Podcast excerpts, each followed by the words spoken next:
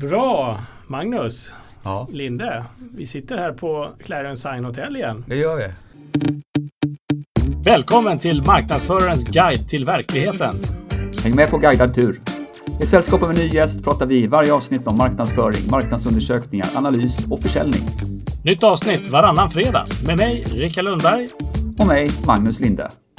Häng med! Eller inte. Ja, gör som du vill.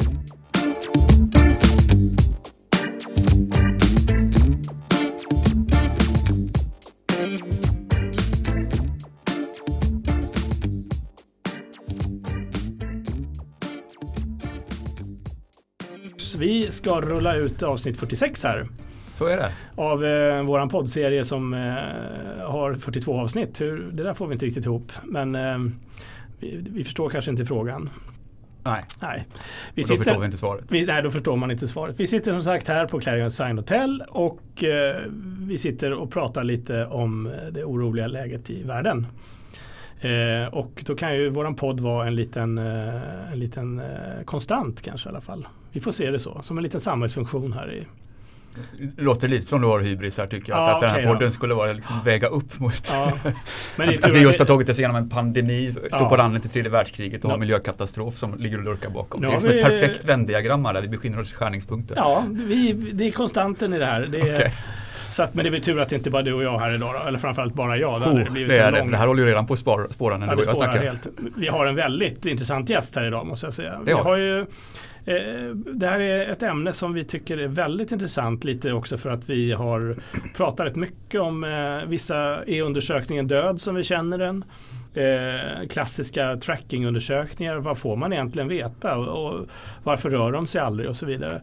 Det finns annat man kan göra och vi har hittat en väldigt intressant eh, gäst som kan berätta mycket om det här tror jag faktiskt. Så utan några jättevidare fler omsvep. Det är inte möjligt antagligen att svepa det här längre. Så välkomnar vi Rodrigo Gravis till Marknadsförarens guide till verkligheten. Välkommen!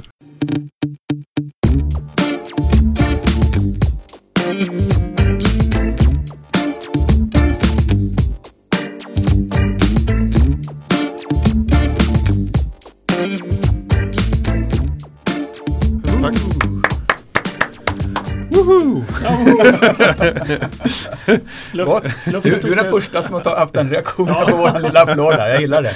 Ja, Och någonting måste man väl göra av Ja. det tänker jag. ja, precis. Eh, nej men tack snälla för att ni vill ha mig här. Eh, en så vacker dag som idag. Fattas bara. Vem är du? Extremt bra fråga. Eh, Hur länge hade vi på oss?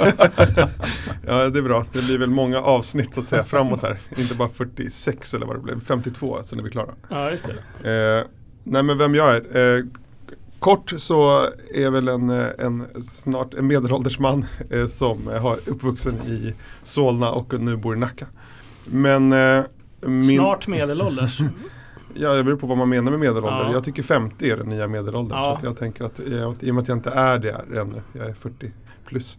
Ja, är du på väg att bli 50? Eh, Nej, nej, det är ett par år kvar. Nej, det är Ett par år kvar. Ja. Ja. Rickard har lite noja för han blir 50 i år. Ja, jag jag har redan lagt det bakom mig sedan Mm. två år. Så Ja, men jag, sitter här och bara är gammal. Nej, men jag, jag tänkte, jag blev pappa när jag var 22. Och jag tänkte att eh, det är perfekt för när jag fyller 40 så då är det liksom då är det bara att börja om igen och köra på. klart, Men eh, jag var inte tillräckligt smart så att jag fick barn igen när jag var 30 plus. Så att då är man tillbaka. Då ska jag flika in att just idag för 25 år sedan blev jag pappa för första gången. Se där ja. Så att det, och då tänkte man så här att eh, herregud när han är 25 då är jag 50. Ja. Det går, det går inte ens att föreställa sig. Här är vi. Mm, det är så. Fruktansvärt. Ja. Ja, tiden går fort Ja. när man har roligt. Ja. Eh, men, eh, vem är, det är jag eh, är grundare till ett bolag som heter MyTelescope. Och eh, ett bolag som startade för, ja, vad blir det, snart tre år sedan. Och eh, innan dess så har jag jobbat som marknadsföringskonsult eh, inom IPG-gruppen, alltså som äger bolag som VP Sandvik och McCann. Eh, drivit egen eh, reklambyrå eh, inom någonting som heter Diplomatgruppen. Och sen eh, efter det så drev jag min egna eh, reklambyrå också som heter Gravis. Efter ja, min, eh, ärade min mammas efternamn. Ehm, och eh, började min karriär eh, som analytiker på någonting som heter Morningstar. Eh, Mhm. Som fondanalys. ja, just det. Så att, så att eh, ja men man kan ju ibland tycka att så här, från analys till, alltså fondanalys till reklam, att det kan kännas som en lång resa. Men jag brukar säga att det är som två sidor av eh, ett mynt. Eh, om man tittar på vad man gör med i, i finansmarknaden så försöker man att förstå vart en trend är på väg. Och när man jobbar med marknadsföring så jobbar man med att skapa trender. Eh, och, då, eh, och det var faktiskt den anledningen till att jag bytte eh, karriär från finans till marknadsföring och marknadskommunikation mer specifikt. För att jag kände att det var mycket roligare att vara den som skapar en trend än att bara betta på en trend. Eh, eh, så det var ett sjukt kul val utifrån ett karriärsperspektiv så jag tycker jag verkligen att det har varit haft väldigt, väldigt roligt. Eh, finansiellt kanske sämre val. Jag tänkte just säga det, för om man bettar på trender så kommer man ju kanske bättre uppsida. Exakt. Större nedsida också eventuellt. Men, Ja. Men, Men- men, men vilken intressant resa. Men, Ja. ja. Men reklam och kommunikation då verkar vara den röda tråden sedan eh, ett tag tillbaka i alla fall. Ja men exakt. Så att, eh, ja, men, och sen min personliga bakgrund kommer från en familj som, eh, in, som invandrare kom till Sverige på 70-talet. Från Mm. Chile och eh, Uruguay. Eh, båda väldigt aktiva inom eh, ja, politisk, politiken. Mhm. Eh, och hamnade sen då i Sverige på mitten på 70-talet. När Palme och andra välkomnade eh, Men det fanns en ganska stor grupp från Chile va? Ja, Kring precis. eh, 70, ja just det. Ja, det var en väldigt stor grupp som kom, inte bara från Chile utan även från Brasilien, Argentina, eh, Uruguay, relativt många. Men det är så få människor så att det är Ja, såklart att det Uruguay blir känns ju som lite- ett litet, eh, ett väldigt fint land. Har du varit i Ja, Uruguay? eh, jag har gått i skolan där nere i, mellanstadiet. Så, att, eh, så jag har bott där ett tag. Mina föräldrar hade förmånen att jobba i ett projekt för Sida. I, i samband med att eh, Uruguay skulle demokratiseras så var mina föräldrar där och utbildade på skolor och för att få tillbaka själva en pedagogiskt tänk, demokratiskt tänkande och, och så Mm. vidare eh, även in i skolan. Så då hade jag förmånen eh, att gå i skolan där eh, parallellt. Många säger att eh. Uruguay är världens bästa oxkött.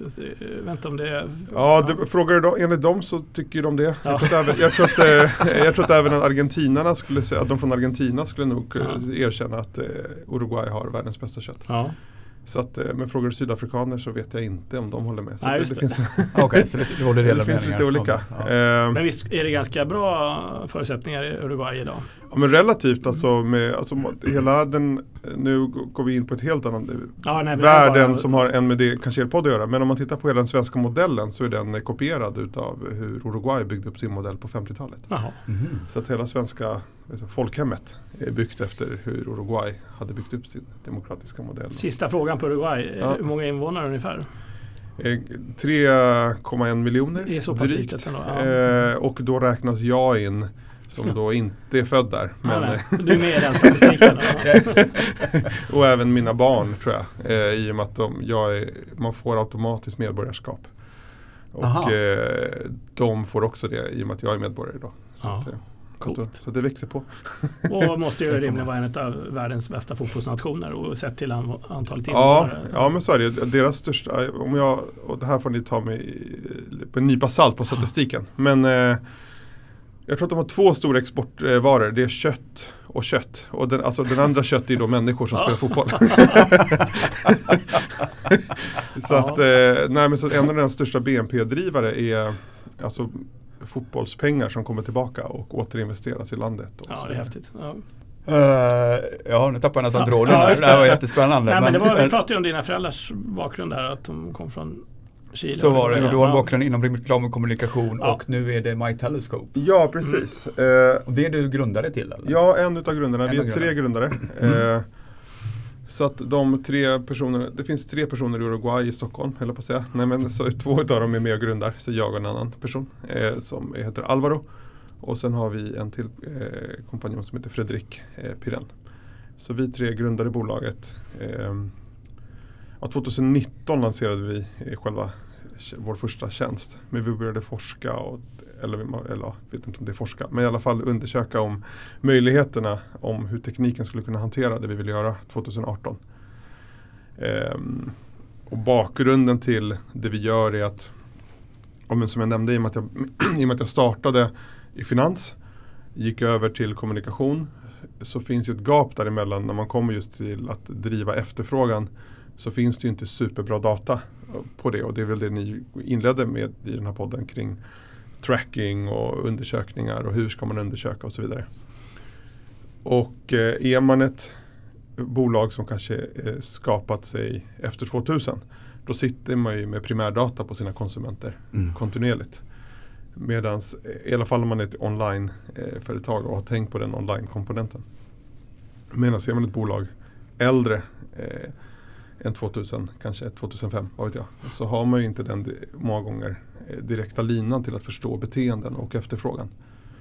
Och det var det vi kände, som, även som när vi drev vår reklambyrå. Att vi ger en massa löften om att vi ska skapa efterfrågan om vi satsar på det här konceptet eller den här idén eller vi köper de här medierna. Och man pratar om mått som share of voice men egentligen är share of voice ett rent det är ett inputmått. Alltså Ja. där du har betalat för någonting. Så Ja. det, det är inte, det är inte output eh, på så sätt.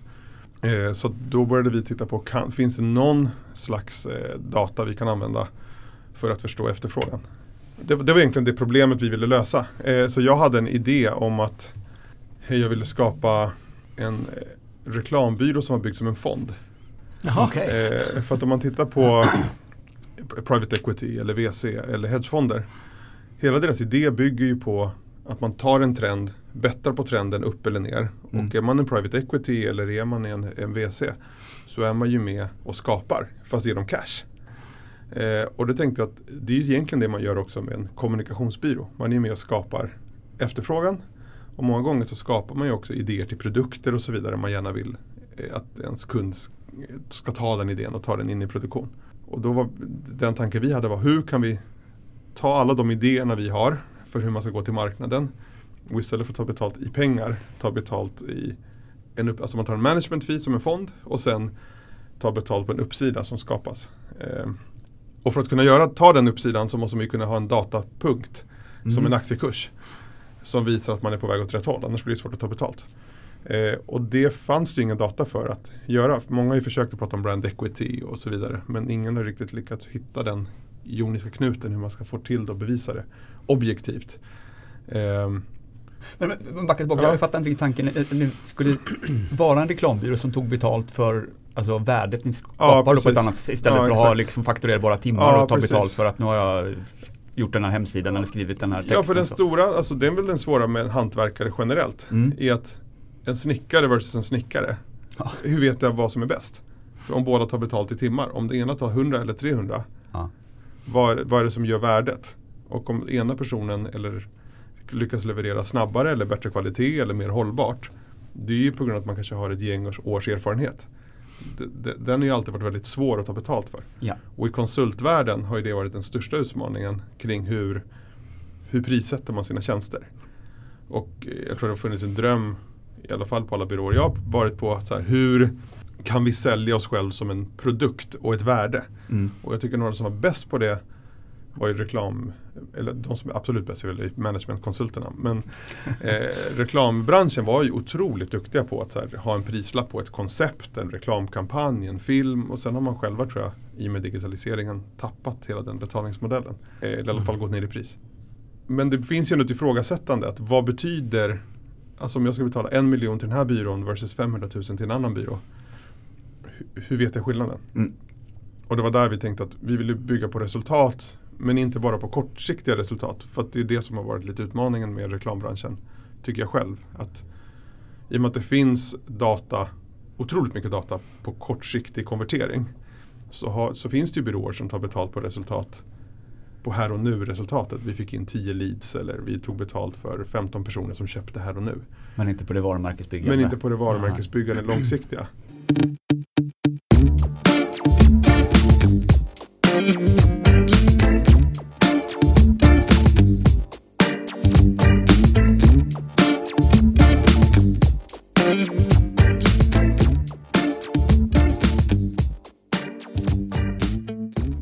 Pratar vi om klassiska brand Klassisk tracking, brand eller tracking. varumärkes Ja. trackings. Mm. Ja. Där, där det också ofta blir ganska trögrörliga värden så att det blir mycket flatlines. Ja, i alla fall när man börjar jobba och börjar titta på det med rullande 6 och rullande 8. Eh, Mm. och det är ju för att basen är för liten. Så det var den utmaningen vi stod inför, att om man ska jobba resultatdrivet på lång sikt, hur kan man göra det utan att ha en sta ett standardmått som folk eh, kan förhålla sig till. Så vi började då studera på sökdata och beteendedata på internet. Eh, men jag ska vara helt ärlig, 2018 när vi gjorde det så vågade vi inte ens säga att vi tittade på sökdata för att det kändes så banalt. alltså. Nej men det var ju någonting som eh, Alltså, det är inte så att sökdata är något nytt. Jag menar, det har ju hållit på och jobbat med sen SEO, SEM, alltså sen, sen, Googles upp, sen Google uppfann att man kunde sälja annonser på, på, sö, på vad du söker på. Ja, precis. Men det har ju varit att man köpte ord som mjölk eller att mm. man, alltså den typen av stora, men inte på varumärkessökord. Och oftast är varumärkessökorden mycket lägre volymer på. Så det kändes som att vi visste inte om det var tillräckligt representativt. Eh, så det var väl lite det som stoppade alltså oss. Alltså att man söker på ett specifikt varumärke, söker på Coca-Cola? ja exakt, och då tänkte man sig Coca-Cola, ja absolut. Ja. Det var vår tes. Men så hur stor är sannolikheten att man söker på GB Sandwich? Och varför mm. skulle man göra det? Eller tuggummimärket extra? Alltså det, det finns ju massa sådana men att du söker på Lexus eller Ferrari eller Porsche känns ju ganska naturligt för att du är nyfiken. Så vi var lite rädda i början att alltså datan inte skulle vara tillräckligt representativ eh, för beteenden. Framförallt det vi var ute efter var ju slutresultatet på försäljning och marknadsandelar och så vidare.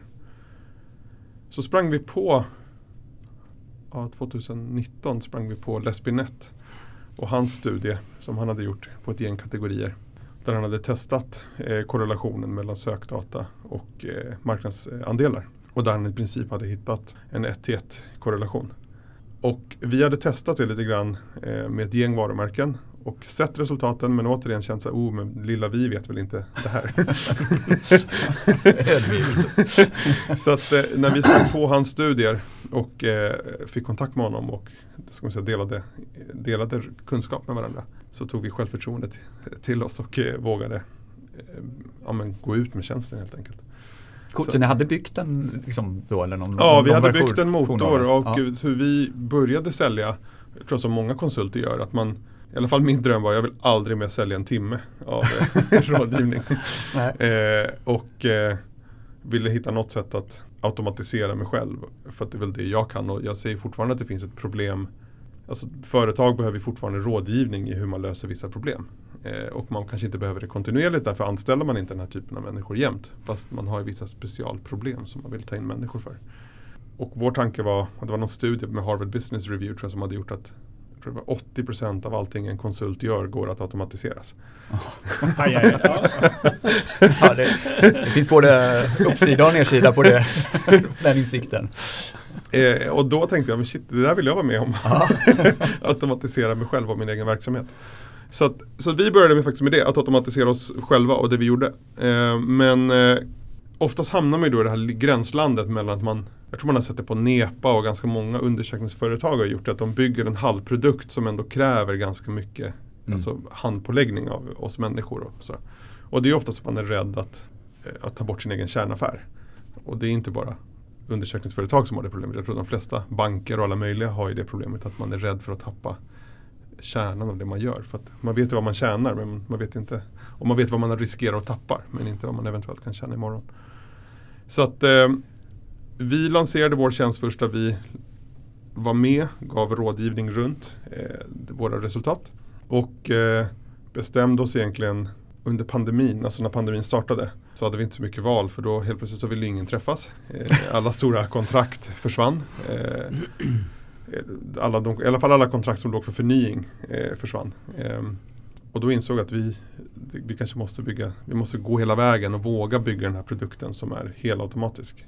Så för oss var ju själva pandemin i alla fall en, det är väl hemskt att säga, men en bra grej för bolaget. Alltså och, ja. och där är jag ändå otroligt tacksam för vad svenska staten har gjort med de stöden man har fått. Mm. Eh, för jag tror att vi tappade ju 80% av vår omsättning eh, inom mm. två månader. Så att eh, det är tufft. Ja det var riktigt, ja, det, var, det, var, det, var, det var inte superkul.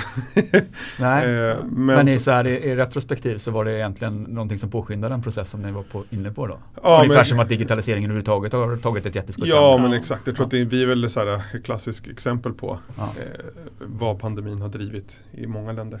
Mm. Eh, eller bolag.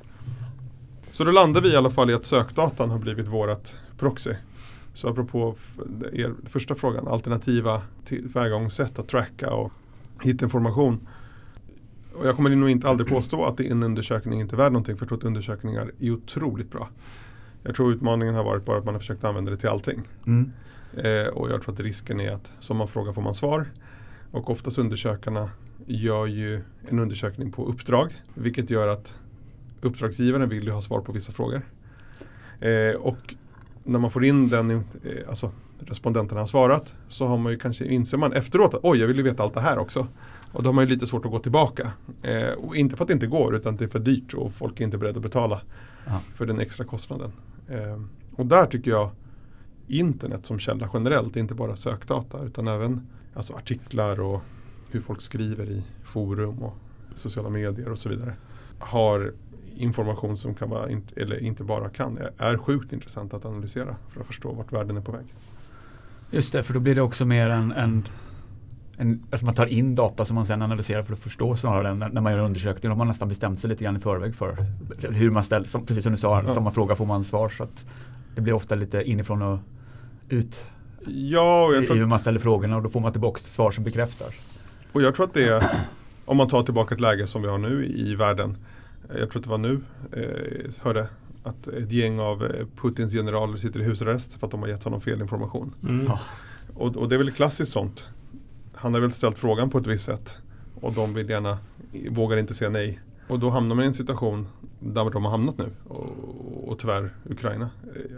Men återigen, om du kommer tillbaka till intelligens, alltså att hitta information för att kunna ta beslut som är ja, i, i när det gäller konkurrenssituationen och när det gäller företagande så handlar det om att ta beslut som gör att du hamnar lite före alla andra. Eh, eller inte, om inte före åtminstone tar ett beslut som, där du hamnar mer rätt. För jag anser att vi marknadsförare lever i en samtid. Eh, och om vi inte kan förstå samtiden och vad är då värdet med ett varumärke? Alltså varumärket, eh, eller ett mig så företagande som ett, ett företag är som ett barn. Eh, och du tar det när du är en startup där vi är, då går det från barndom ja. och det ska bli en tonåring som så småningom ska bli en vuxen person.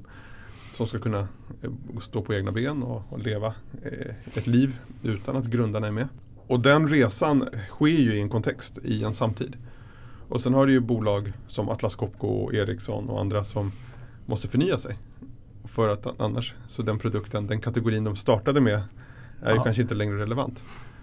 Och då enligt mig då, en marknadsförare som inte är intresserad av sin samtid, inte intresserad av makroekonomiska frågor, inte intresserad av politiska frågor, kommer ha svårt att navigera och bygga starka varumärken. Eh, och, och, därför tycker jag att informationsinhämtning och guiden, apropå att vara en guide till marknadsförare, handlar om att jag tror det är Mark Ritson som är en professor, i, i som ni säkert känner till, mm. eh, säger att den viktigaste uppgiften en marknadsförare har är att jobba med kontinuerlig diagnostik. Eh, och, och, där tycker jag marknadsundersökningsbolagen har misslyckats i, i, i, sin roll. Man håller så hårt i, i sin kunskap eh, och gjort den vad ska man säga, till en commodity. Alltså man har gjort en, den har blivit dyr att till, tillförskaffa sig. Själva, aha, okay. Själva undersökningen Undersökningen, analyserna och man, vill inte till, man vill inte ge det. Men egentligen behöver vi människor som jobbar med marknadsföring behöver ju den här, alltså vi behöver den här konstanta informationsflödet för att kunna ta rätt beslut. Ja. Och det är det som Google och Amazon och de har byggt en motor i och med att de har accessen då till den här primära datan så kan ju de kontinuerligt utveckla produkten baserat på de signaler de får kontinuerligt från marknaden. Just det, och mycket mer i realtid också när man gör eh, undersökningar som alltid släpar. Ja, men även om de släpar för att egentligen behöver ju saker inte ändras så himla fort. Men att du åtminstone ser att du inte har ändrat är ju i sig ett svar. Mm. Så att det, det jag, jag, hade ett eh, genomgång med en kund om det här för ett par år sedan. Kom jag ihåg. Och så bara, men vi tror inte på den datakällan. Nej, nej, för den visar inte det vi tror på. Nej, okej. Okay. Vad vill ni att den ska visa då? Ja. Nej, men vår reklam är sjukt bra. Jag vet att den är jättebra. Okej, okay. ja, men vi får väl se då. Så visar vi vår data och så visar den också att eh, marknaden inte tyckte att den reklamen var fantastisk. Nej, äh, men det är fel på er data, det är fel på er data. ja, jag och mina medarbetare tycker att det här är svinbra. Ja, jo, jo. Men uppenbarligen så har inte marknaden förstått det, det är superbra i det ni gör. det är lite som i lumpen när de sa att om, om kartan och verkligheten inte stämmer överens så är det kartan som gäller. Det är lite där också. Jag vill ha en bättre karta för verkligheten har fel.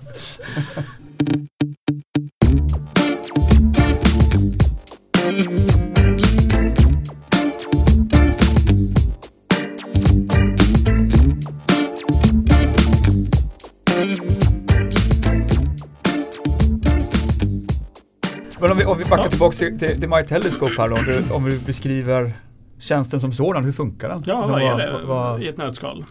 Nej men det är en eh, sökmotor egentligen för marknadsförare. Mm. Så att eh, det man gör är att du kan söka på varumärkesord eller ämnen som du är väldigt intresserad av. Och så får du fram, vi har byggt ett gäng modeller. Så att om man tänker på en sökmotor som Google så söker du sig en restaurang och så får du fram ett svar på ett gäng in, hemsidor med hur du ska hitta den här restaurangen eller recensioner. Vi har gjort samma sak fast vi har byggt färdiga modeller eh, med till exempel du sökte på sig varumärket Nike och eh, då finns det en modell där vi tittar på sentimentviktad sök. Så att för utmaningen med sök, en, sök, en sökning är ju att den är bara upp eller ner. Men du förstår ju inte nyanserna. Så då har vi viktat det genom att eh, analysera internets attityder kring ett varumärke. Så då har vi byggt en modell för det som heter Sentiment Weighted Search Trend. Sen har vi byggt en annan modell för ESG. Och så, så att allt eftersom marknadens olika frågor man kan tänkas ha och att ha svar på för att kunna navigera och bygga sin affär. Så söker man på sitt varumärke och sen så kan man då bygga egna dashboards för att få svar på förutbestämda frågor som vi redan har bestämt. Eh, och eh, utifrån vår förståelse av marknaden i och med att vi själva har jobbat så pass länge med marknadsföring och byggt varumärken i, globalt. Men sen, så, så det är väl själva kärnan av produkten. Eh, sen har ju vi någonting vi kallar för ett, ett bibliotek, ett modellbibliotek.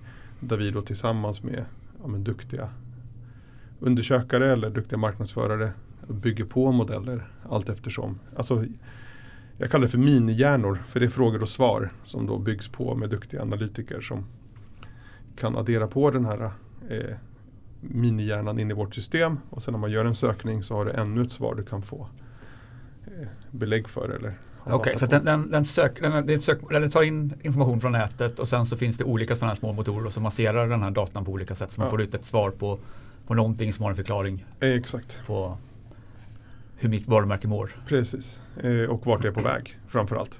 Även Så- i förhållande till andra? Eller? Ja, så att hela, hela idén som vi har är egentligen versus. Alltså jag eh, mot någon annan. Adidas och så att Nike. man- eller ja, liksom, ja. Mm. Så att man jämför liksom Moderaterna mot Socialdemokraterna etc. Mm. Eh, Ja. Men intressant och det här är så prediktivt också om jag förstår saken rätt. Jag, jag såg Ja. faktiskt Ja. här eh, innan när jag tittade på ett gammalt klipp eh, på dig från TV4 Ja. när du stod och pratade om, det måste ha varit precis eh, våren 2020 va? När, ja, exakt. då, då när världen vändes upp och ner med pandemin Mm. Så hade ni eh, kunnat se de här utbrotten redan Ja. i er sökdata. Och i, egentligen så är det inte, det är inte vår sökdata. Det är all sökdata Ja. är per definition prediktiv. Eh, och det är väl egentligen som undersökningsdata också, alltså beroende på vilken fråga man har ställt. Så det vi det som är häftigt med sökdata tycker jag personligen är att det, det är ju ett proxy för ett int- intent, alltså vad vill jag upp, vad vill jag göra? Och det där det blir intressanta blir med volymer, alltså versus eh, attityder. För det man kan då, om man tittar på sökdatan beroende på kategori så finns en prediktivitet som, som släpar olika långt. Så tittar man på till exempel eh, mobilt, alltså abonnemangsindustrin så har du en prediktivitet på 18 månader. Men det är mycket på grund av också att det finns man är inlåst i 24 månader, alltså hur avtalsstrukturerna är Mm. Samma sak med bilindustrin, att man, det är kanske två till tre år och så vidare. För det handlar ju mycket om vilka kategorin har ju oftast byggt in själv, själva en seghet eller en trögrörlighet i, i, sin... Och när vi tittade just på pandemin så var vi en, ungefär en vecka eh, som vi kunde se före det hände. Eh, Jaha. så att eh, återigen, det är det som är läskigt tycker jag när man, alltså när man gör prediktioner och tittar på framåt. Är att man vet ju inte, det är, väldigt, det är läskigt att kasta ut en tärning och hoppas på att det, så, att det stämmer. Ja. Eh, så att vi testade kanske två, tre veckor innan vi vågade också börja publicera. Eh, och vi använde då WHO, deras data som de publicerade eh, ja, varje dag med olika fall. Så att det, det var så vi då, det var den jämförelsepunkten vi hade för att hitta den prediktiviteten och testa att modellen faktiskt höll. Det är skitintressant. Ja, verkligen. Och, och vad är det då, då börjar folk alltså söka mer på covid-relaterade saker? Ja, som- exakt. Och det är det som blir det intressanta. Och det är det som, med en undersökning återigen, att när du ställer en fråga så vet du ju ibland inte exakt vilken fråga du ska ställa. Men om du kan ta och kasta ut en tråd, säg covid. Ja. Eller då börjar du se vilka mönster som skapas. Och utifrån de mönstren kan du sen börja följa de mönstren och se vad det leder till. Eh, och, och, och, och, nyckeln blir ju egentligen framförallt att hitta rätt sökord. Ja. Så att det som många har gjort som jobbar med sökdata och Google har ju varit supergenerösa på så sätt att bjuda på Google Trends. Utmaningen med Google Trends är att det är ju redan förindexerad data. Det är en sampling av sökningarna som är förindexerad. Vilket gör att du kan inte få till den här granulariteten i informationen. Så att då ibland på vissa ämnen som kanske har sö lägre sökvolymer, då är det svårt att hitta det här prediktiva och korrelationerna med sig försäljning och så vidare. För att, ett exempel, GB Sandwich, alltså glassen, Mm. har en sökvolym om man säger på runt 500 till 1000 sökningar i månaden. Så pass ändå. Ja, Så pass ändå. Vad hette den där nu igen? Ja. Ja. Eh, och tittar man bara på varumärkessökordet och korrelation med försäljningssiffror så är det en otroligt låg korrelation. Men när man började titta på GB Sandwich kalorier eller GB Sandwich hur många steg. Mm. För att då var det Ah. folk som sökte efteråt, alltså post. Ah. Eh, jag tog så här, glass, ja, jag åt en glass, hur många steg måste jag ta? Eller hur många kalorier det? så att, så att, så att då är det ju klart att då, då handlar det ju om att hitta rätt sökord. Eh, så att mycket av de, den forskningen som gjorts nu eller som Les Binet har gjort och James Hankins och de, de har jobbat med Google Trends data primärt. Och det har man ju hittat då starka korrelationer på ja, stora varumärken och, och liksom bilkategorier. Alltså kategorier där, där det finns mycket sökningar för man gör mycket research innan att man ska köpa men också kanske efter. Alltså, till exempel Kia har ju färre sökningar än Ferrari på varumärke. Men det är fler människor som söker på sig Kia Service eller Kia Verkstad. Mm. Eh, vilket inte är så konstigt för det är Mm. fler människor som har en Kia och vi behöver ta den till verkstad Mm. eller ta service på den.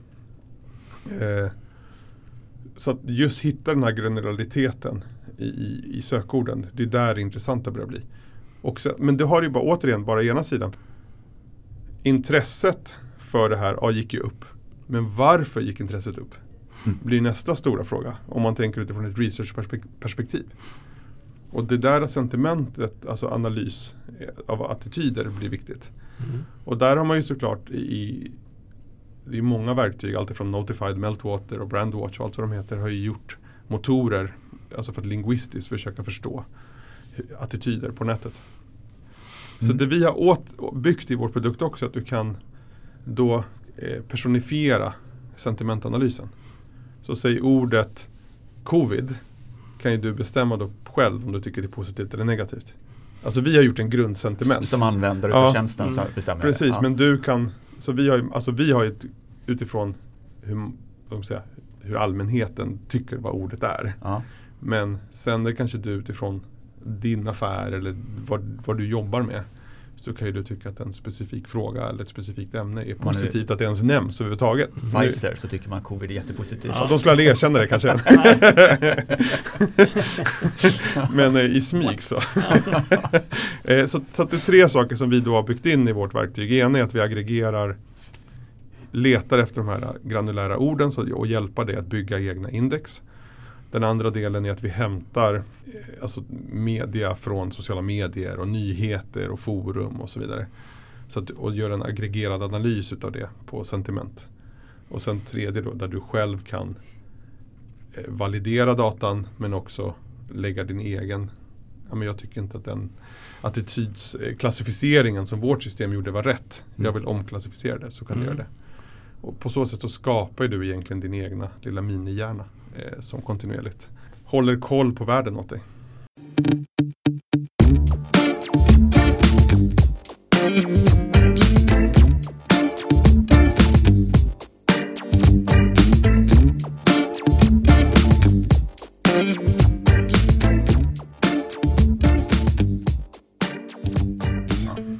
För det, det, där exemplet du hade med GB Sandwich tyckte jag var ganska talande för hur man kan använda det då, för då blir det ganska tydligt var man ska lägga in kraft också då, om, det är kalorierna folk är oroliga för. Så Mm.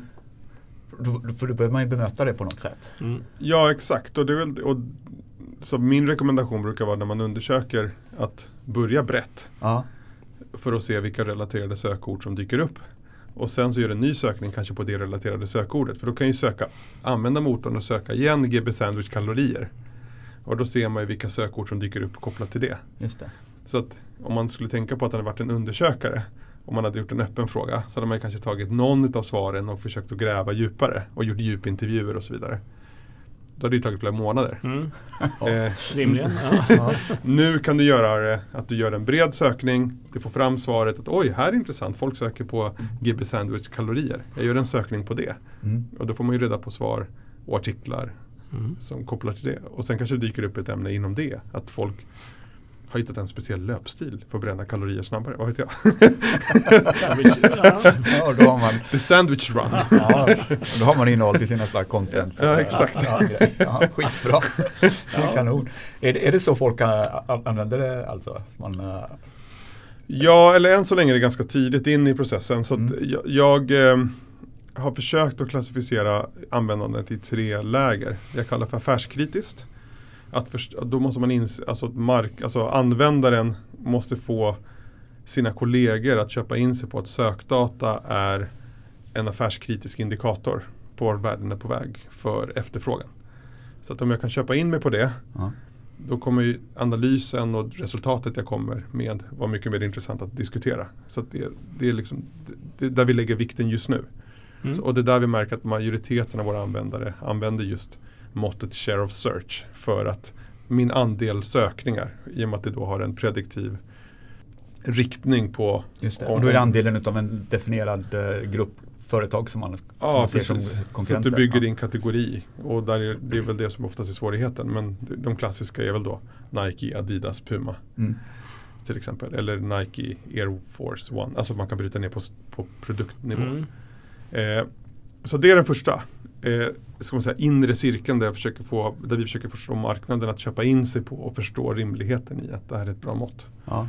Och blir det Share liksom, of search. Share of search. Just det, det, det precis, ja, det blir ett, egentligen ett, en ny variant utav share of voice. Då. Share of voice, Ja. och det som är intressanta blir ju då att Share of Voice som jag sa är ju ett inputmått. Jag har ju köpt antal medier. Ja. Medan Ja. share, of vo- share of Search är ju ett, en output. Det är ett resultat av hur bra du har lyckats med eh, ditt köp. Just det. Ja. Så att om du får människor, om du är effektiv i ditt medieköp och effektiv i ditt, eh, kom, i ditt budskap så ska ju då din sökandel gå upp.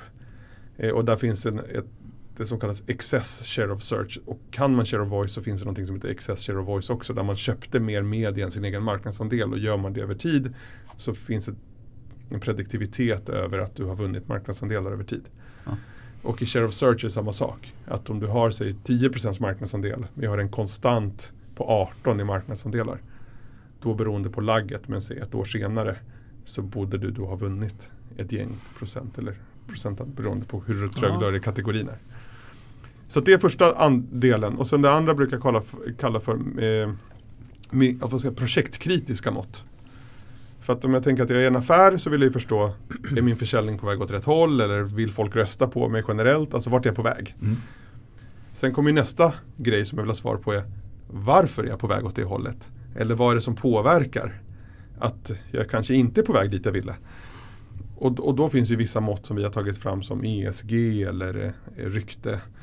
Eh, ja, hur mycket media jag har fått eller attityder på marknaden. Och då kan vi titta på, ja men min ESG är negativ. Då vill vi förstå varför min ESG är negativ. Och då börjar vi titta på att bryta ner den datan ner på sökord och eh, ner på artiklar som pratar om det och så vidare. Så att, vad ska man säga, kunskapsresan är, jag måste ett köpa in mig på att måtten är affärskritiska för mig att följa. Mm. När jag tyckt att det är det, då kan jag börja ta beslut på det. Och då vill jag kanske förstå varför går det upp eller ner. Och då kommer jag till projektkritiska, vilket beroende på avdelning. Och när jag hamnat i de projektkritiska måtten så vill jag ju förstå nyanserna och varför saker händer. Kan det ha varit att någon gjorde bort sig med någon fabrik, att varför mitt ESG gick ner eller kan det ha varit en journalist som förs- missförstod vad jag sa eller ja, ni fattar. Ja, det är ju superspännande tycker Ja. jag. För att det, är, det är uppenbart, precis som du säger, att det finns sjukt mycket data där ute. Och problemet är väl hur man, hur man kan dra nytta av den så att den Mm. inte blir en, en, eh, black om foten istället. För att, Nej, och jag tror så här, för min del har ju varit det som jag tyckte varit jobbigast eh, i min karriär som marknadsförare har varit att jag har svårt att påvisa eh, enkelt. Eh, det är klart att det har gått, men på ett enkelt sätt påvisa att de råden man ger eller de idéerna man kommer med faktiskt har bäring i affären. Mm. Ehm, och det, det, och många har ju pratat om att vi undersöker och vi mäter och så men man har inte velat göra det, man har inte velat avsätta. När, när kampanjen väl är klar eller så, så har man inte velat lägga de där extra pengarna. Nej, och den stannar ju ofta också på att undersöka kampanjen, vad folk Ja. tyckte om kampanjen. Ja. Vilket då inte betyder att den har haft någon påverkan på, Nej. på affären Nej. eller på, på någonting eh, annat. och, och det där, för min del, så det, när vi hittade den här korrelationen mellan sökdata och försäljningsdata och marknadsandelar så blev det helt plötsligt superintressant att Mm. eh, som marknadsförare att faktiskt kunna för, förklara att man är med och driver efterfrågan och att det finns en siffra, en procentenhet man kan följa. För då blir det helt plötsligt konkret. Ja. Det blir rationellt. Det är inte bara min magkänsla utan man sätter ju siffror på magkänslan. Eh, så. Funkar det här för alla, stor som liten? Eller så här, är det något för alla att göra och tänka på det här eller är det hopplöst för små spelare med få sökningar och så? Nej, det, beror- det beror på hur man vill använda sin data. I undersökningsvärlden så pratar man ju om noll. Jag vet inte, det, jo, I Sverige pratar man om nollmätningar. När man går in i en ny marknad och så ska man förstå. Och jag menar, kommer du som ett okänt varumärke och gör en nollmätning så kommer ju med stor sannolikhet svaret vara ingen kännedom. Mm. 0, 0, 0, 0, Mm. 0. Oftast det mest intressanta med den undersökningen var kanske inte svaret om mig själv utan svaret om konkurrenterna Ja. eller hur man ser på marknaden. Och för ett litet varumärke så är det egentligen samma sak om du gör sökningar. Om du, du är ju liten för att uppenbarligen inte tillräckligt många som köper från dig. Och det kommer ju finnas ett bevis på att det är för få sökningar. Så att som ett mått, om jag har en ambition av att växa så är ju sökningen en jättebra indikator på att få ett belägg på, gör jag rätt saker? Är jag på väg att växa?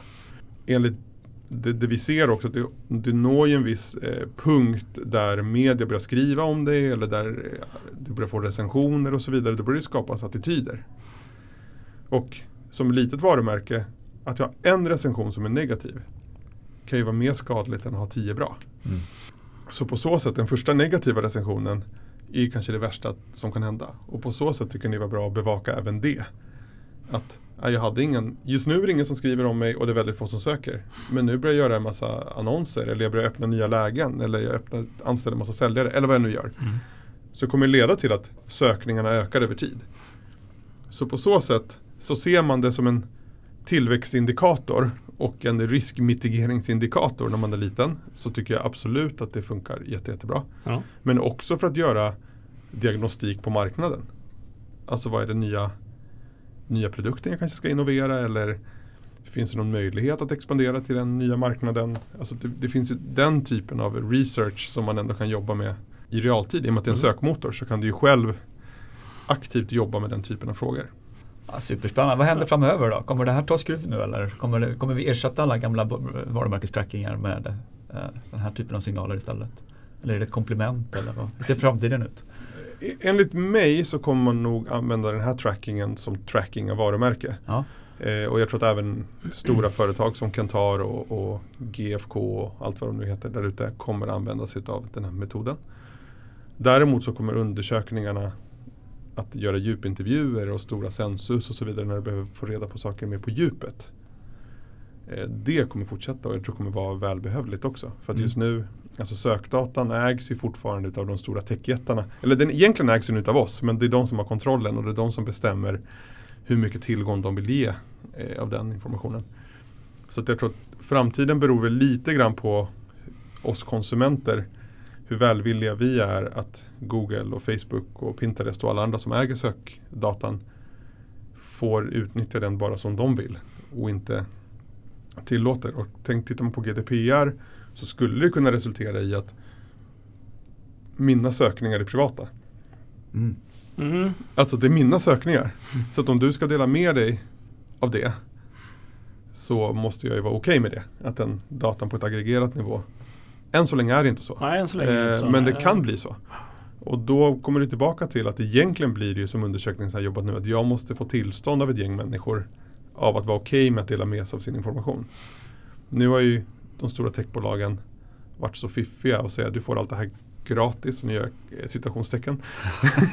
Eh, men du får gratis i utbyte att vi får använda din data Mm. eh, för att utveckla produkter och sälja till tredje part. Och de flesta konsumenter tickar ju ja till det. Ja. För att man tycker att det är mer värt att få titta på en film än sin personliga integritet.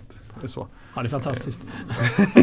Så att svaret på din fråga är kommer, vad kommer hända är att jag tror absolut att sökdata kommer vara ersätta. Jag tror absolut att vi kommer parallellt jobba med annan typ av undersökningar. Jag tror däremot att en stor del av jobbet som undersökningsföretag gör nu kommer automatiseras. Mm. Sen om datakällan är sökdata eller någon annan typ av data är, inte lika viktigt. Utan jag tror att det viktiga blir ju hela tiden att jakten på sanningen eller min egen sanning kommer det är ju en mänsklig drivkraft så den kommer ju fortsätta. Eh, och jag tror att den kommer bli mer och mer och händerna på användare att få kontrollera det.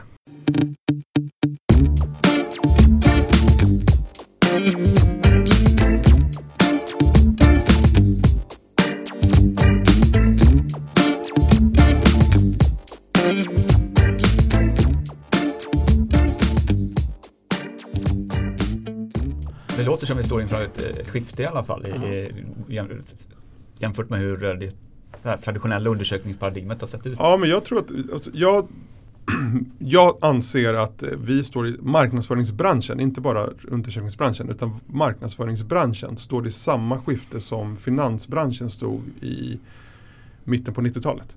Mm. Finansbranschen stod då, då var ju allting väldigt eh, mekaniskt. Eh, vi hade människor som samlade in information, vi hade stora analytikerhus. Vi hade, alltså, det, det var exakt samma sak som marknadsföringsbranschen är nu. Du la din order via telefon. Men titta nu, Avanza och så vidare. Alltså, en stor del av handeln sker ju automatiskt och människor som själva sitter och tradar direkt. Ja, just det. Och tittar man på marknadsföringsbranschen så har du haft samma manuella, alltså haft jättemycket jobb som kräver, alltså mekaniken har inte varit tillräckligt bra. Vilket har gjort att människor har behövt stansa varje förstbokstäver tills att eh, datorerna kom och när det gällde undersökning så vi behövde, men nu finns det de här SurveyMonkey och det finns ju Qualtrics, det finns ju jättemånga automatiserade system för marknadsundersökningar. Mm. Och, och på så sätt så har vi nu helt plötsligt en datapunkt. Alltså om man tittar på finansbranschen återigen. Vi bettar på en framtid baserat på en aktiekurs som är tittar i backspegeln. Ja. Men vi tycker ändå att vi kan förutspå framtiden genom att vi lägger pengar i en fond eller en hedgefond. Medan vi marknadsförare då som har ett yrke där vi ska jobba med att driva efterfrågan har inte förlitat oss på några mått för att kunna visa att vi har rätt. Och vi egentligen, de pengarna vi hanterar gentemot en fond är ju ingenting. Så att, så att min förhoppning för mitt eget yrke och för min egen yrkeskår är att vi kommer bli extremt viktiga för affären. Ja. Genom att kunna påvisa, men vi är ju mästare på att skapa efterfrågan. Och vi kan mäta och vi kan förut, förutspå att vi är på väg åt rätt håll. Ja. Jag har inte ens nämnt, men du har ju någonting också engagerad i Share of Search Council. Ja, nej, och eh, i och med att det, det stora behovet som vi ser på marknaden apropå om man ska driva frågor som eh, hur man tar bättre beslutsfattande, hur man kan bli operativ i sin datahantering. Bygger då på att vi måste skapa en allmän förståelse för måttet. Eh, och då skapade vi Share of Search Council för att de som vill jobba, en oberoende egentligen, eh, grupper människor som kommer alltifrån marknadsföringsindustrin till eh, föret, alltså företags, som driver företag och så vidare. Att kunna, nu ska jag säga ett ord som jag egentligen inte tror på, objektivt. Eh, på ett objektivt sätt ge svar. så att det är nu helt fel. Men eh, i alla fall objektivt, det vi tror objektivt men egentligen är subjektivt för vi vill ju att folk ska använda måttet. Mm. Eh, ska kunna få råd och tips på hur man ska kunna implementera. Mm. Och det startades i Sverige och eh, nu eh, håller det på att exporteras till USA. Mm. Och vi har jobbat med något som heter eh, Share of Search Working Group tillsammans med IPA. Eh, och IPA är britternas motsvarighet till KOMS egentligen. Där Ja, man tittar på effektivitet och där egentligen alla marknadsförare och eh, annonsörer och medier är med i det här. Så där vi har jobbat tillsammans med Lespinet och James Hankins i att eh, jobba med valideringar och korrelationer för att se vad som funkar. Och det, och det kan man eh, hitta lite information om då på... Ja, så det finns en sajt som heter eh, någon, om man söker på Sheriff Search Council så hittar man till den. Ja. Och sen så finns det på LinkedIn också. Ja, just det. Kan jag Eh. rekommendera. Jag har varit inne och tittat. Då kan man få lite eh, ännu tydligare bild av vad det handlar om. Tycker jag. Väldigt bra. Ja men vad bra. Och även på svenska om man vill. Ja exakt, Det Nej, men det, det, ja, men det var det vi kände att Vår tanke var faktiskt att vi skulle bli en, en svensk eh, med, alltså för, för Sverige. Ja, Men för vi trodde att IPA skulle skapa någonting mer brittiskt och Mm. globalt. Men ingen har väl orkat ta tag i det. Så vi har sett att nu är det vi som driver eh, stafettpinnen. ja just det. Coolt. Ja, verkligen. Så gå in och titta där, ni som lyssnar.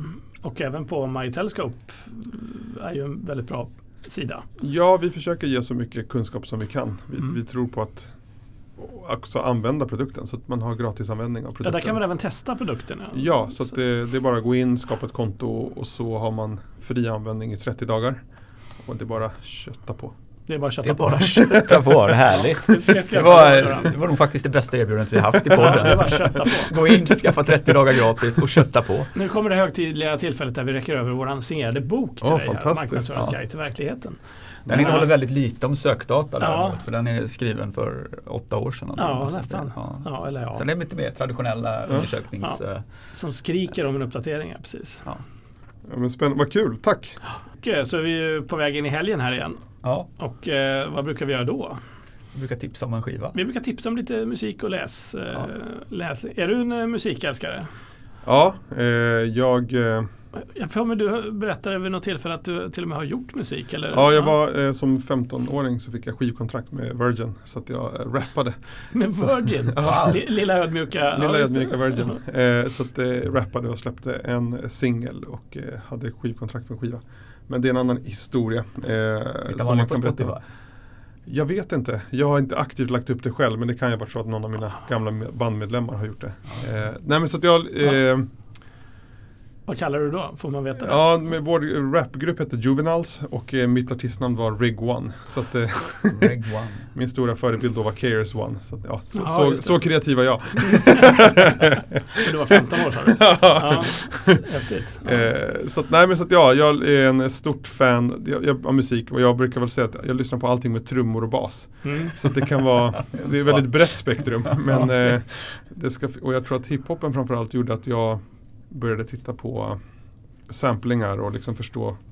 Så man hamnade helt plötsligt i rock eller jazz eller alla Mm. möjliga musikgenrer. För att man ble, blev nördig och intresserad av. Vill, vad är det här egentligen? För, Exakt, ja, vart kommer det ifrån? Ja, det är kul. Ja. Så att ja, nej men så att musik är väl Däremot inte en rockquiz för då kan, har, har jag inte ett rätt. Nej. Jag, jag var skitbra på det måste jag säga när jag var typ 25, 30. Nu är jag helt värd. Jag kan ingenting. Och det, är- det är ju På vadå? Rockquiz? ja, lika med liksom att man blir gammal. Det, är Mm. Att man inte är intresserad. Och det, det var ju så här jag svor att aldrig bli. Men Mm. jag är så jävla ointresserad av eh, mycket ny musik som kommer nu. Så att det, det, det är inte kul egentligen. Nej. Alltså, men jag tycker det är dåligt. att det, ja. Och därför så ska jag rekommendera en väldigt gammal grupp idag. Som Aha. eh, heter Tears for Fears. För oss som var Sådär ja. var med på 80-talet. Jag vet inte om du kommer ihåg eh, Tears for Fears? Nej, de hade några, ett par hits hade de i alla fall. Kommer du ihåg någon? ja. Det här är ju mitt dilemma. Mm. Everybody wants to rule the world kanske. Ja. Nej, men det är sån här lite mild och fin musik. Börjar som en syntgrupp. Men de har gjort en eh, platta som heter The Tipping Point nu i alla fall. Och eh, det är vad det är. Men det är två gubbar från England som sitter och... Ja, Malcolm Gladwell har skrivit en bok som heter också. Ja, exakt. Är lite sådär. Och det är en platta som tittar tillbaka rätt mycket. Och sådär. Den är, eh, men det är en väldigt otippad rolig sak med den här skivan och det är att de har ju mer eller mindre helt plankat eh, Niklas Strömstedt-låt på skivan. Den här, Kör de också på en fågel eller? ja, den där låten. Nej, är det så? Ja, eh, Sista morgonen heter den va? Ja. Fick jag faktiskt googla för att eh, just Strömstedt har inte legat på min Spotify-lista. Men, men de har gjort en låt som heter Masterplan som är det, det är så dråpligt alltså, att det är exakt samma låtbygge och sådär. Fast det är inte riktigt att de kör på en fågel men de sjunger om hur det var förut och sådär. Så att det, om ni inte ska göra något annat så lyssna i alla fall på Masterplan och sen Strömstedts eh, Sista morgonen. Så det, det är nästan karbonkopia alltså. Ja, så det Ja. var det. Ja. Eh, Hade du, förlåt nu körde jag över din, eh, hade du någon musiktips inför helgen här? Eh, nej men jag eh, är vurmar ju mycket för latin. Så att eh, Mm. apropå klassiska artister, en artist som heter Hector Lavoe som eh, upp, var en av de som uppfann salsan. Eh, En herre från Puerto Rico, eller, han var, Mhm. eller då var han inte herre, han var ganska ung. Eh, och eh, skapade salsan i New York. Och eh, framförallt en skiva som heter apropå El Periódico de Ayer, så att det handlar om gårdagens nyheter. Eh, och kan man spanska så kommer man ta till sig av texterna för det handlar väldigt mycket om hur samhället, alltså salsan är ju väldigt duktig på att vara glad men ändå berätta sorgsna nyheter. Mm. Eh, och vart samhället är på väg. Och eh, vart vi är nu så kan man bli otroligt glad av att dansa till det men man kan också samtidigt om man förstår spanskan få ett djup i det. Eh, så att Hector Lavoe om man är intresserad av klassisk salsa och lära sig lite av latin. Eh, Mm. Och sen en bok apropå det tycker jag Purple Cow med Seth Godin, Seth Godin är en Mm. bok som alla marknadsförare borde läsa. Om hur man Purple skapar, Cow? Purple Cow, hur Mm. man skapar nätverkseffekter. Så att, eh, skulle jag göra någonting i helgen skulle jag lyssna på Hector Lavoe och läsa den boken. Inte, Bra. det, det var inget dåligt tips. Nej, det var jättebra. Ja, mycket bra, tack för det. Då ska jag lyssna på det också. Vi är väldigt begränsad eh, när det kommer till det. Ja, ja, men intressant, det ska vi ta med oss. Har du något från bokhyllan, Magnus? Ja, jag brukar Ja. ta på mig att jag ska ha med mig någonting varje gång från bokhyllan. Tidigare så tog jag alltid någonting som relaterat till ämnet och det har jag gett upp eftersom jag inte har så många böcker i hyllan längre. Så att, Shadow Search? Eh, Ja. ja, nej. Den där faktaboken, jag, men har jag bara precis börjat i för den, den blev jag ålagd att läsa inför en workshop jag ska vara med på. Det var Challenger, Challenger Customer. Den har jag inte läst klart ännu så den kan jag inte säga så mycket om. Så det blev en, en skönlitterär bok den här gången igen faktiskt. Vad Som, jag tycker är väldigt bra. Jag har hört väldigt blandat om den. Jag tror att Mm. antingen så älskar man den här boken och så tycker man den är skittråkig. Eh, En gentleman i Moskva heter den. Mhm. Amor Towels eh, skrev den Mm. eller har skrivit den, från 2016. Den, den handlar om en, eh, en greve som eh, strax efter ryska revolutionen, här är 1922 typ, så blir han, eh, eh, han blir satt i husarrest på eh, ett väldigt fashionabelt hotell Mhm. i Moskva. Och sen utspelar sig liksom hela Sovjetperioden runt omkring där, men han är hela tiden inne på hotellet. Eh, ganska långsam bok Ja. men väldigt eh, skön. Låter ju otäckt aktuell på något sätt ändå. Ja, det var Mm. en annan orolighet. Mm. Den- en den- den- gentleman i Moskva. Ja, den tycker jag man kan eh, läsa med. Det här var en riktig höjdare tycker jag. Ja. Det är häftigt det där hur eh, böckerna i bokhyllan, i alla fall för mig, har tagits över av Netflix och HBO. Och, alltså, Ja, ja, tack för att du säger det. ja. Att inte man känner sig ensam. Men det är, Men även ljudböcker har det blivit Ja. för min del. ja, Eh, ja. Om man är ute och går så, här, så har Ja, jag ofta en ljudbok på. Mm. Nej, jag är, jag är svårt eh, och jag tycker det är så tråkigt att gå, det går så långsamt. Ja. Men eh, hemma har det blivit att man, men även dokumentär, alltså att det har tagit över för att jag gillar att ta till mig ny kunskap. Men eh, Ja men hörni, vad roligt. Eh, Och Rodrigo, otroligt trevligt att ha dig här. Ja, Det och känns ju superspännande tiden tjänst flög där. iväg här. Ja. Nej men tack snälla för att ni ville ha mig och eh, det känns ju som om det någon gång information behövs i, i realtid så är det väl nu. Ja. Tänker jag. Så att, eh, Oh ja, My Telescope My Telescope. in och Kika in där nu eh, Kika, ja, innan ni precis. tar helg och eh, läser böcker och lyssnar på musik. så I tackar förhoppningsvis podden. får solen. Ja precis, så tackar podden för sig för den här gången. Får vi se när vi dyker upp nästa gång Yes. och med vad och eh, hur. Hur kanske man kan förstå men ja. Vi har en plan. Eh, vi tackar dig som sagt för att du kom, kom hit. Rodrigo. Och eh, har du något sista ord? Nej men det är väl eh, lite som ni var inne på. Ut och njuta av solen och eh, positiva tankar tänker jag. Så kanske Men inte men- för mycket. inte Ja. för mycket. Nej, Nej men det känns, eh, det känns ändå som att världen är på väg åt rätt håll kanske. Om vi bara orkar komma över den här pucken. Ja, den här sista lilla surdegen. Jag gillar, jag gillar optimismen. Mm. Nej men någonting måste man, annars kommer man bli nedslagen. Ja, det är helt rätt. Ja, det var oväntat eh, härliga ord faktiskt i, i dessa tider. Ja, Det tackar vi alldeles extra för. det gör vi. Tack själva. Må så Hej då. gott där ute. Hej då! Hej! hej. Bye.